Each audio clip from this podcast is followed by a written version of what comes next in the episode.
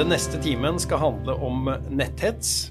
Vi kan definere det som mobbing eller krenkende atferd på nett. Eh, Linn Monsen, du leder det rettsområdet hos oss. Eh, er det mange som mm, tar kontakt om akkurat det her?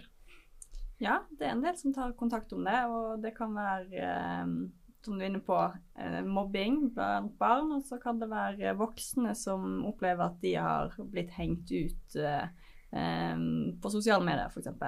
Så mm. veldig mye av eh, kommunikasjon, og mange lever jo store deler av livet sitt på nett nå, så det er jo absolutt et voksende problem. Hva kan en typisk henvendelse handle om, da? Eh, vi får jo en del eh, bildedelingssaker. Eh, folk har delt eh, bilder med kanskje noen de kjente veldig godt, eller noen som de har blitt kjent med på en anonym app som har kommet på avveie. Um, så er det kanskje blant de yngre så er det mer mobbing. TikTok er en plattform som kan bli brukt til både uthenging og utestenging. Um, og for de eldre så er det kanskje mer uh, ei avis som de mener har skrevet noe om de som uh, er krenkende eller provoserende. Mm. Mm. Vi skal komme nærmere tilbake til hvordan vi jobber videre med de henvendelsene som kommer, men vi skal også si hei til eh, Nelly Kongshaug. Hei. hei.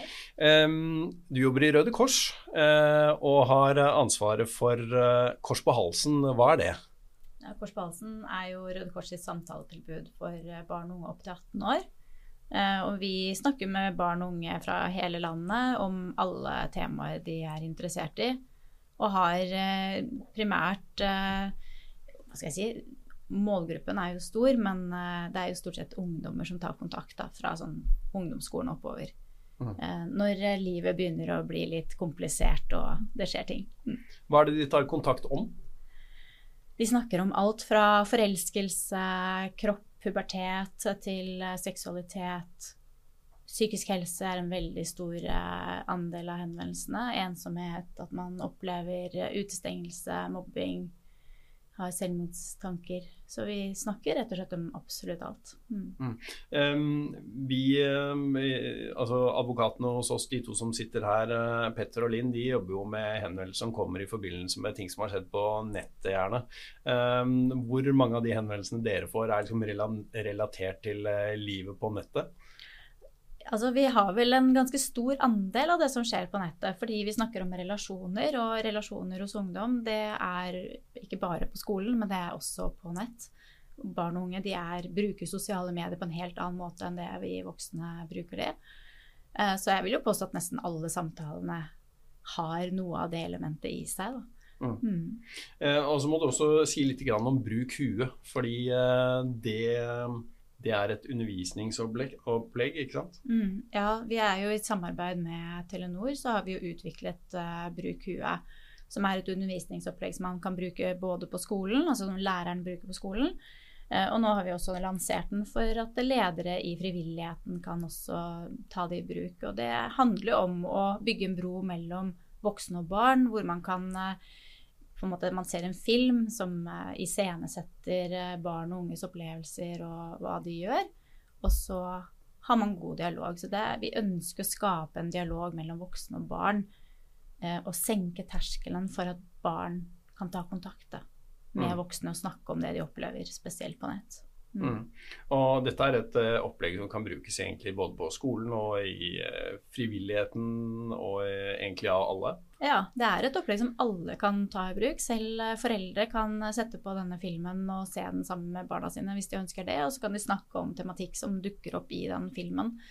Så det er jo rett og slett vi ønsker å bistå alle, sånn at de kan føle seg trygge på å ta den praten for vårt mål er jo at barn og unge som opplever noe negativt på nett, skal få den hjelpen, og gjerne hjelp så tidlig som mulig. At ikke det tar for lang tid før de oppsøker hjelp. Mm. Har du inntrykk av at de som eh, kontakter Kors på halsen f.eks., at de har uh, tenkt på dette lenge? Ja, det har de. Og mange tar jo kontakt med oss også fordi de ikke tør å snakke med noen andre. De tør ikke å snakke med sine egne foreldre om det, for de er redd for reaksjoner. Så vi må gjerne kanskje øve litt med dem, da. Hjelpe dem med hva de kan si, hvordan de kan formulere seg. Eh, sånn at de får trent på oss før de går til foreldrene sine, eller til andre voksne som de føler seg trygge på. Så vi er jo gjerne den, der, det, det første steget da, for å få hjelp.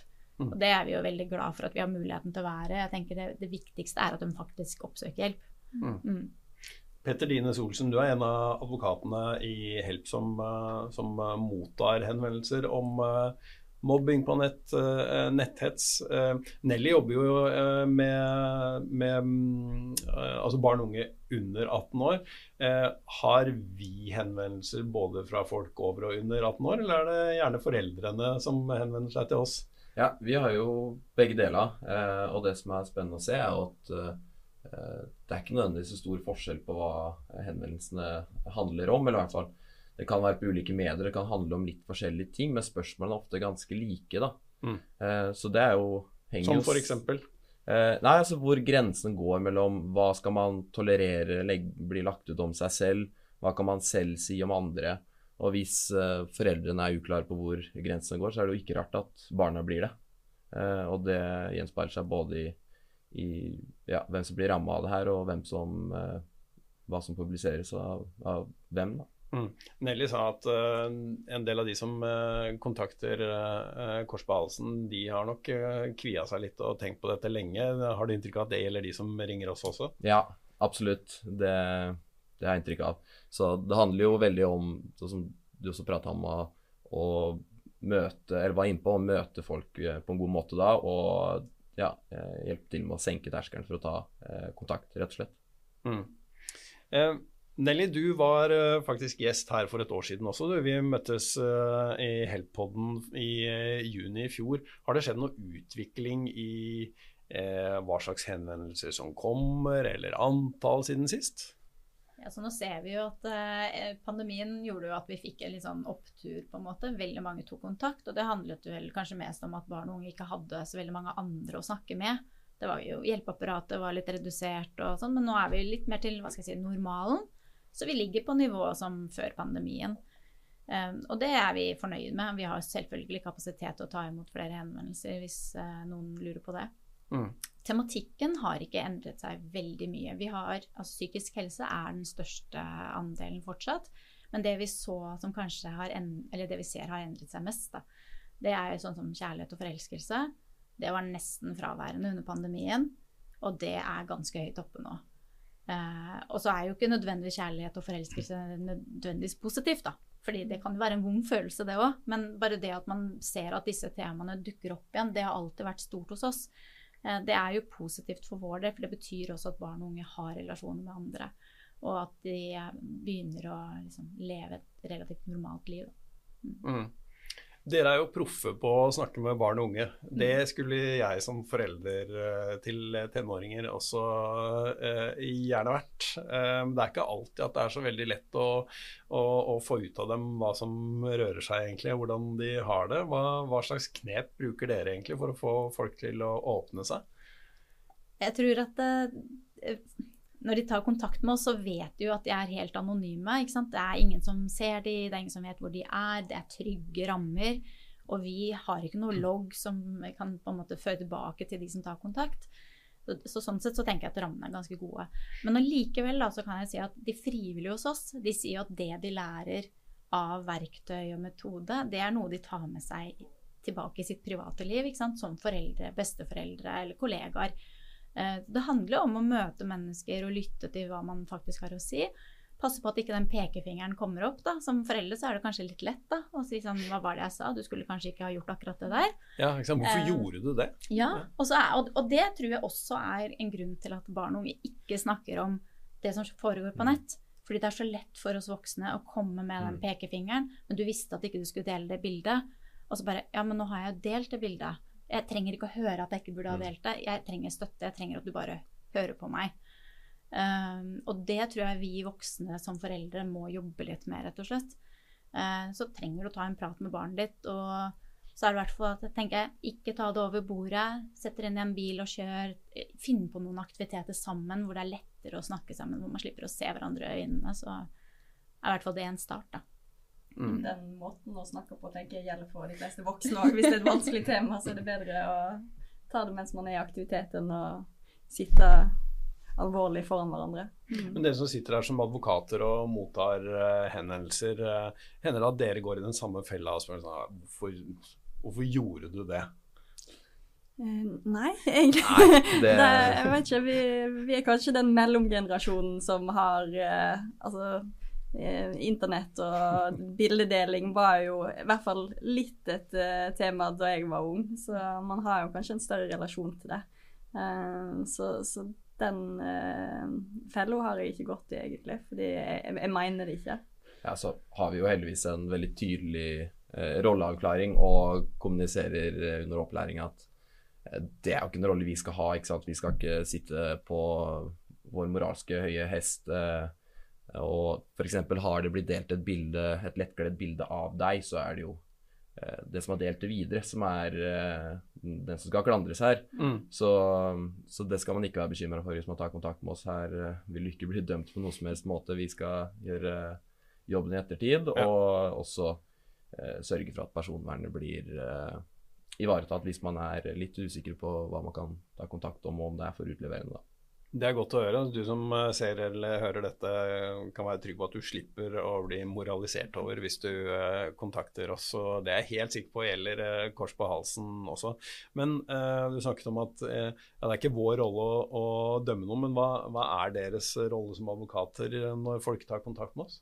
Ja, altså Vi sitter jo med den juridiske ekspertisen, da. Så vi ser jo da det som er publisert, om det er bilder eller om det er uh, utsagn eller ja, uh, ulike ting opp mot uh, regelverket. da, og Der er det ganske sånn fragmentert bilde. Så det er mange ulike lovbestemmelser å forholde seg til, og, og vi, vi, ser det opp mot de. da.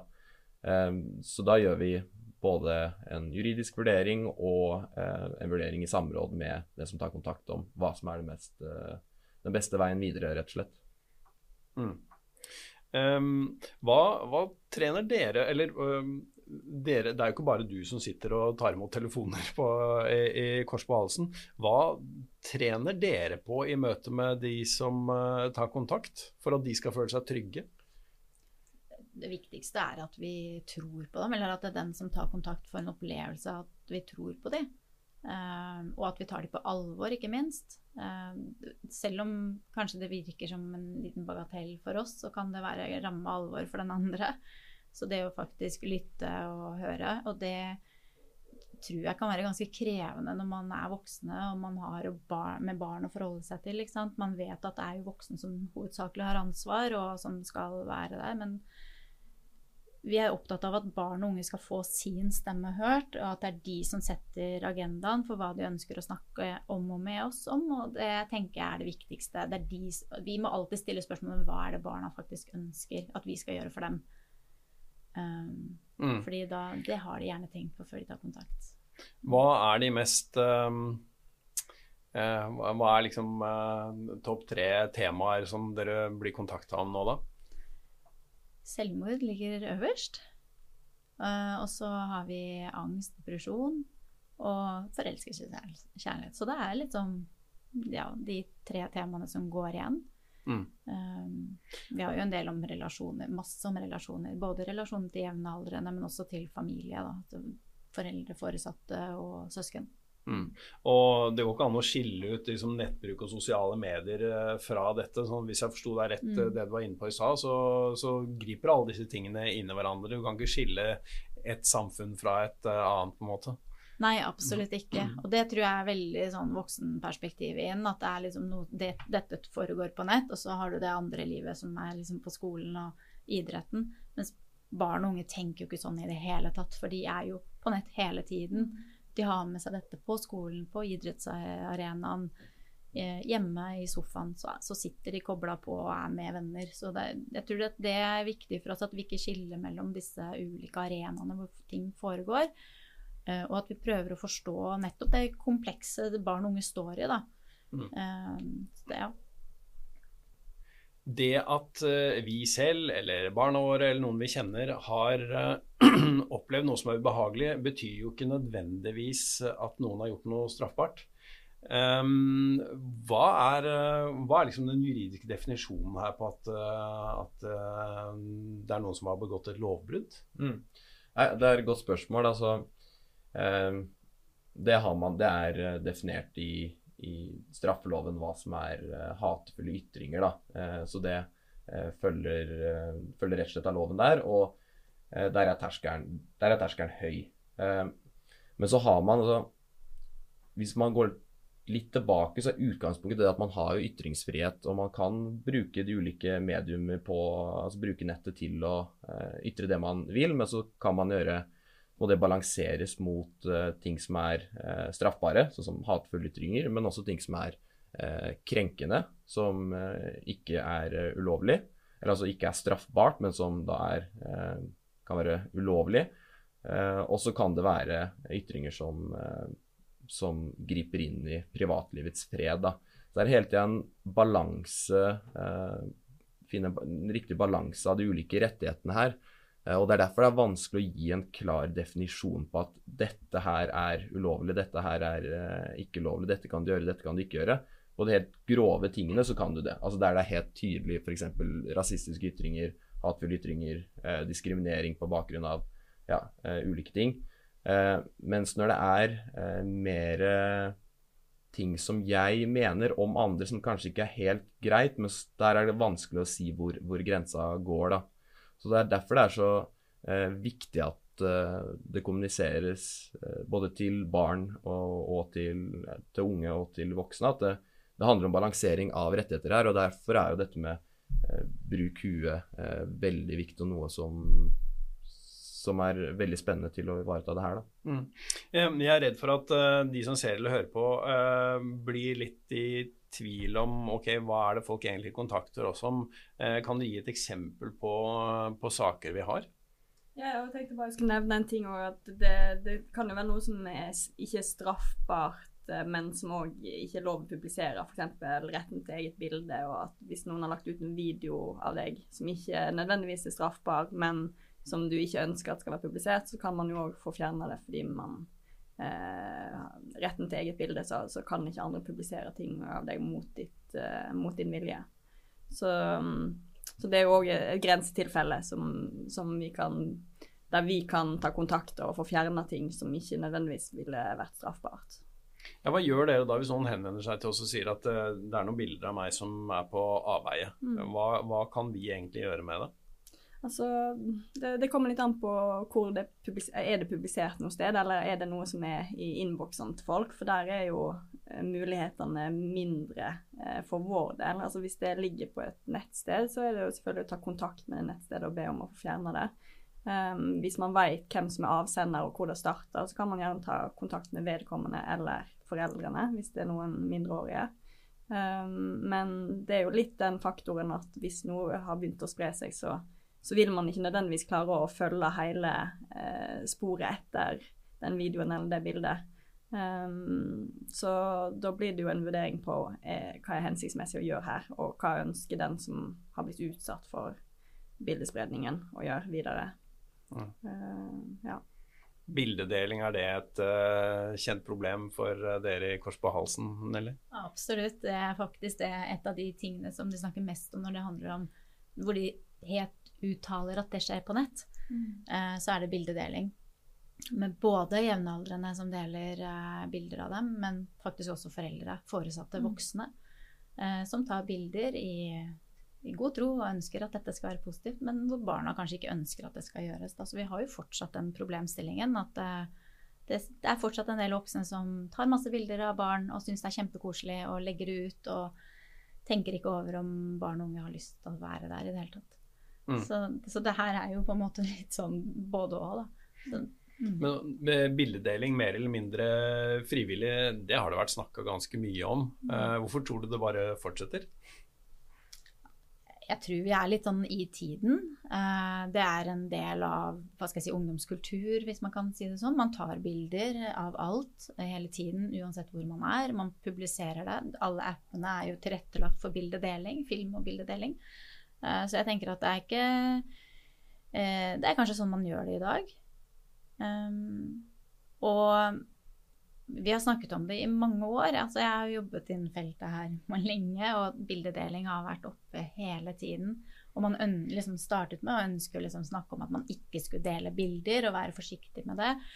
Eh, men jeg tror heller at vi må løfte det litt mer opp og snakke mer om hva slags type bilder som er greit å dele, hva slags bilder skal, kan du ikke publisere, hvilke rammer kan du publisere bilder med andre, osv. Jeg tror er, vi må jobbe litt mer med den bevisstheten. For det vi vet, da, er at barn og unge de mm, lærer ikke om hva som er rett og galt. Altså, de vet ikke hva som er lov og ikke lov, og derfor er det veldig fort gjort å gjøre ting. Man, ja, man har det gøy, og så gjør man det. Eh, men barna selv sier jo at de, de, skulle ønske at de lærte mer om det på skolen. Eh, lære mer om regelverket, som, liksom, hvor går de grensene. Og så er det noen grenser som kanskje er vanskelig å definere, men veldig sånn Dette er helt ulovlig. Dette er innafor. Dette er i grenseland. Altså det, barn og unge trenger å vite det. Så, sånn som de vet at ikke de skal stjele, og så ferdig, liksom. Det lærer de. Men. Denne kulturen med kanskje dele ting videre, da. Mm. Eh, at man får tilsett noe til, ja, til en gruppechat, og så, eller så sender man det videre. Er det, er det liksom nåtidens nesten baksnakking? Eh, ja. At det bare Og der òg er det viktig å Og der tror jeg både også voksne dessverre kan eh, mm. kjenne seg igjen. Da. At det er så enkelt å bare Oi, se på det her. Dette er litt sensasjonelt. Dette er litt drøyt. Klarer liksom ikke helt å la være, da. Uten at du forstår konsekvensene av det. Ja, fordi jeg satt og tenkte på det også at det, det kan jo være at det er en del voksne som trenger å få høre litt om grenser for hva som er greit å dele og ikke også. Mm, absolutt. Men uh, av de henvendelsene som, som, kommer inn til uh, oss som handler om uh, nettmobbing eller netthets, gjelder det stort sett bildedeling? en god blanding. Det er ikke nødvendigvis bare bildedeling. Altså. Det kan også være i hvert fall hvis det er voksne, så er det, kan det være publiseringer på eh, Facebook som går ut på nærmest litt sånn blanding av baksnakk og drittslenging, eh, hvor det er eh, litt uklart om man kan identifisere den som blir baksnakka. Da. Så lurer man på ok, fordi man er i en krangel om et eller annet, ikke sant? så det er ting som egentlig ikke tilhører offentligheten. Eh, men ja, det er på en måte kanskje innenfor ytringsfriheten, hvor man har spørsmålet rett og slett. da, Er dette greit, er det ikke greit? Eh, men vi har også drøye saker som går på mer sånn hevnporno og ja, eh, bilder. Så det er en god blanding. Mm. Men uh, hva er uh, deres rolle som advokater helt i forhold til politiet? Hvor kommer politiet inn i bildet? For er det straffbart, så skal det politianmeldes, skal det ikke det? Hvem uh, gjør, gjør, vi det, eller er det noe man må gjøre selv? Mm. Det må man gjøre sjøl. Eh, fysisk oppmøte som regel for å få anmeldt i den type saker. Um, men da er det viktigere at vi bistår i prosessen. Da. Altså anmeldelsen levert, hva kan man forvente videre? Um, vil politiet i det hele tatt etterforske saken? Og kanskje hjelper de å samle bevis. Altså hva bør du levere inn til politiet for at de skal etterforske? Da blir den henlagt, vurderer er det grunnlag for å klage på henleggelsen her, fordi de ikke har gjort nok. Så ja, mer en sånn rådgivende eh, rolle. Mm. Og det er jo kanskje fordi Politiet har jo en, en uh, veiledningsplikt, og de gjør så godt de kan. Og de er, uh, det er sårt med ressurser der. Uh, så vi, det vi ser, er jo at det kan raskt bli henlagt. det er viktig å følge med på eventuelle frister som løper på det hvis man ønsker å klage. da. Eh, og hjelpe til med det, det ser vi også Det kan føre fram, da. Mm. Men dere kan prosessen, så man kan bruke dere som rådgivere eh, egentlig underveis under hele saken. Ja. Eh, I hvilken grad føler du at du som advokat klarer å få gjort noe med eh, f.eks. bilder på avveie? Eh, føler dere at dere klarer å komme problemet til livs? Eh, når det kommer til bilder, ikke nødvendigvis til livs. Eh, men kommer an på hva som er behovet og hva som er ambisjonene. For det som er hvert fall gledelig å se, er at selv om vi ikke nødvendigvis klarer å komme det til livs, så er det mange som blir beroliga av å ha en advokatforsikring. Hvor man eh, klarer å orientere seg i terrenget og kanskje kan bli eh, ja, litt eh, roa ned og ja, hjelpe disse ulike tingene. Så så, så jeg, jeg, føler absolutt vi får gjort mye uansett, selv om vi ikke nødvendigvis klarer å fjerne f.eks. alle bilder fra internett, for det lar seg dessverre ikke gjøre da hvis det er publisert. Eh, og så er det kanskje en trygghet. Altså, det, det, er kanskje lettere for deg å bli hørt som advokat enn at en 16-åring eller en forelder kanskje skal bli det.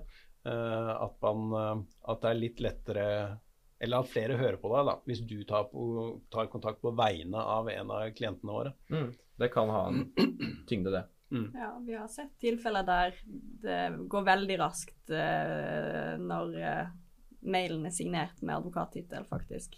Når man tar kontakt med nettsider. Så skulle man tro at de tok enhver urgent e-post på alvor, men uh, det kan være en forskjell, faktisk. Mm. Mm. Er det er eh, de store sosiale mediene, eh, er det noen som er vanskeligere å forholde seg til enn andre? Jeg er ikke så glad i sosiale medier i den mm. sammenheng, for de er ganske håpløse å forholde seg til, egentlig. Facebook og Instagram TikTok de er egentlig alle verstinger. Veldig tilfeldig hva tilbakemeldinger man får, og hvor raskt det går, og om det i hele tatt skjer noe. Så de Ja, jeg er ikke så glad i noen av de i jobbsammenheng.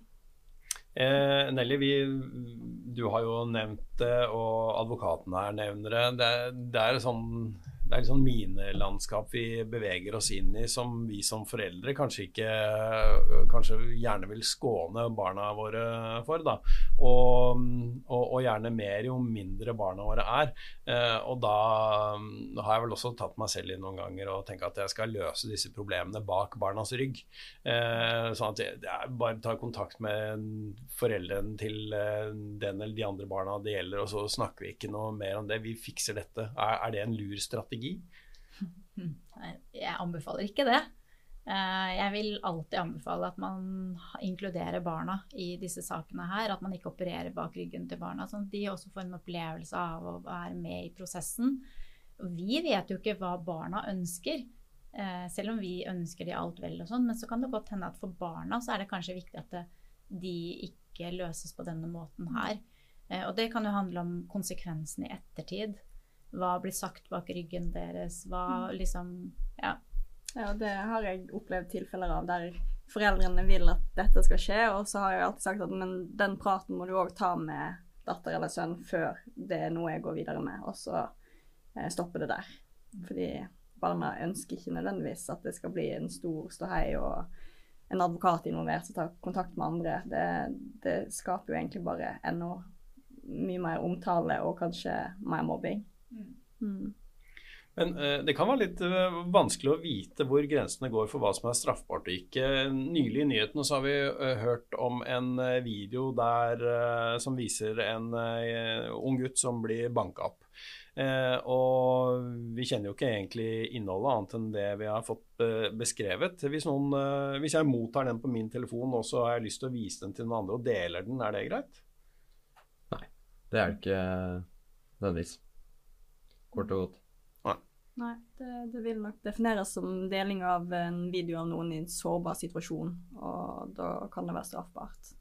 Eh, så vil det jo være av og til utfordrende å finne ut hvem er det egentlig som står bak delingen av det her. Mm. Men, hvis jo, men hvis jeg deler, så står jeg bak hvert fall ja. at det spres mm. videre. Ja. Ja. Det er dessverre ofte langt mellom liv og lære her. Eh, så, så, det er ikke nødvendigvis sånn at altså Dette er jo et problem som ikke det er vanskelig å ta ta, fast i og, og, eller ta fatt i og i hvert fall komme helt til livs. Så, så at det Man vil jo ikke få straffeforfulgt alle som gjør dette her, men at utgangspunktet er helt klart, at det kan være straffbart, det, det er det. Så det er i hvert fall noe man skal tenke på. Mm. En ting, eh, Nelly, det er jo litt sånn ubetenksom deling. Eh, en annen ting er, eh, som, som vi har hørt om i mange sammenhenger, egentlig, og, og også der hvor også på sosiale medier, er en form for utpressing. Nå skal du høre det at jeg har noen bilder av deg som jeg er ikke så sikker på om du har lyst til at de skal deles. Så for at jeg ikke skal gjøre det, så skal jeg ha så og så mye penger eller andre ting. Er, det, er det vanlig? Vanlig er vanskelig å si, men jeg tror nok at eh, flere som opplever det enn eh, det vi har tall på. Det er ekstremt vanskelig å komme til livs med, fordi den terskelen for å fortelle om det tror jeg er veldig, veldig høy. Mm. Fordi man har kanskje vært med, eller man har kanskje startet med å dele et bilde, da. Mm. Og så baller det på seg mm. med flere bilder og ting som skjer, og så sitter man litt sånn i saksa etterpå og vet ikke helt hva man skal gjøre. Mm. Eh, man har kanskje delt det bildet i god tro første gangen, og så sitter man mye verre i det. Så jeg tror at det er flere som opplever det enn det vi egentlig har tall på. Da. Mm. Ja, Vi får jo en del av de eh, henvendelsene hvert fall som går på Vært en del av det i, i det siste. Og så med en del av det, så da tenker jeg på at ja, eh, kanskje i løpet av sommeren 10-15 personer som tar kontakt, som sier at eh, de har møtt en person på Tinder med en troverdig person, og så er tonen god, og så utleverer man eh, videoer eller bilder av seg selv, og så blir man pressa for penger og sier at jeg kommer til å spre det her til hele kontaktlista di. Så det ser i hvert fall vi er et eh, eh, Det er et veldig alvorlig eh, problem. Hvordan angriper vi det, da? Det er jo litt vanskelig, fordi det er jo en anonym person. Man vet ikke hvem som står bak, og i noen tilfeller så er det jo ikke noen som oppholder seg i Norge heller. Um, men det, der er det mest uh, viktig å forebygge, egentlig. Altså pleier å rådgi folk til å ikke være så åpne på sosiale medier. Folk har vennelistene sine tilgjengelige både på Facebook og Instagram. Så det er jo der utpresseren får informasjonen som den truer med seinere, ved å se at OK, her her står det jo oppramsa mor, far, søskenbarn. Så de har jo all informasjonen de trenger for å gjøre at denne trusselen faktisk svir, da. Og så er det selvfølgelig å ikke betale noe, fordi det vil sjelden hjelpe. Da har kanskje utpresseren funnet ut at her er noen som er villig til å gi, så da ber vi om enda mer. Um, men politianmelder kan man selvfølgelig gjøre, men da er man tilbake til at man vet ikke nødvendigvis hvem som står bak. Uh, så Um, vi har jo hatt en del tilfeller der de har blitt trua, men det faktisk ikke har skjedd noe. Mm. Så man må bare prøve å stå i det og, og håpe at det er tilfellet for, for deg òg.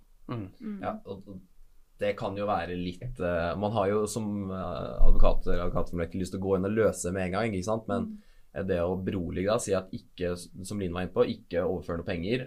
blokker. De kommer til å ta kontakt med helt sikkert fra en annen bruker og fortsette å true deg blokker, eh, så kommer de til å gå videre til noen andre. Det kan jo ikke vi garantere med 100 sikkerhet, eh, men min erfaring er at eh, de kun er kyniske folk som har lyst til å tjene penger, eh, som ikke har egentlig noe kjennskap med noen på den kontaktlista og ikke har noe annen interesse av det. Så og der tenker jeg kanskje at det er viktig å bare snakke med noen om det, da, for det føles jo ekstremt alvorlig ut. Mm. Eh, men hvis, det, hvis, skaden skjer, da, så må man bare gi beskjed til de det gjelder, at her kommer det en video av meg. Det, det fins tusenvis av de fra før av, på en måte, av andre, men det ikke se den, slett den, og, og, så går det jo over, på en måte. Men når man sitter alene i den eh, stressa situasjonen, så tror jeg at det føles ekstremt mye verre og ødeleggende.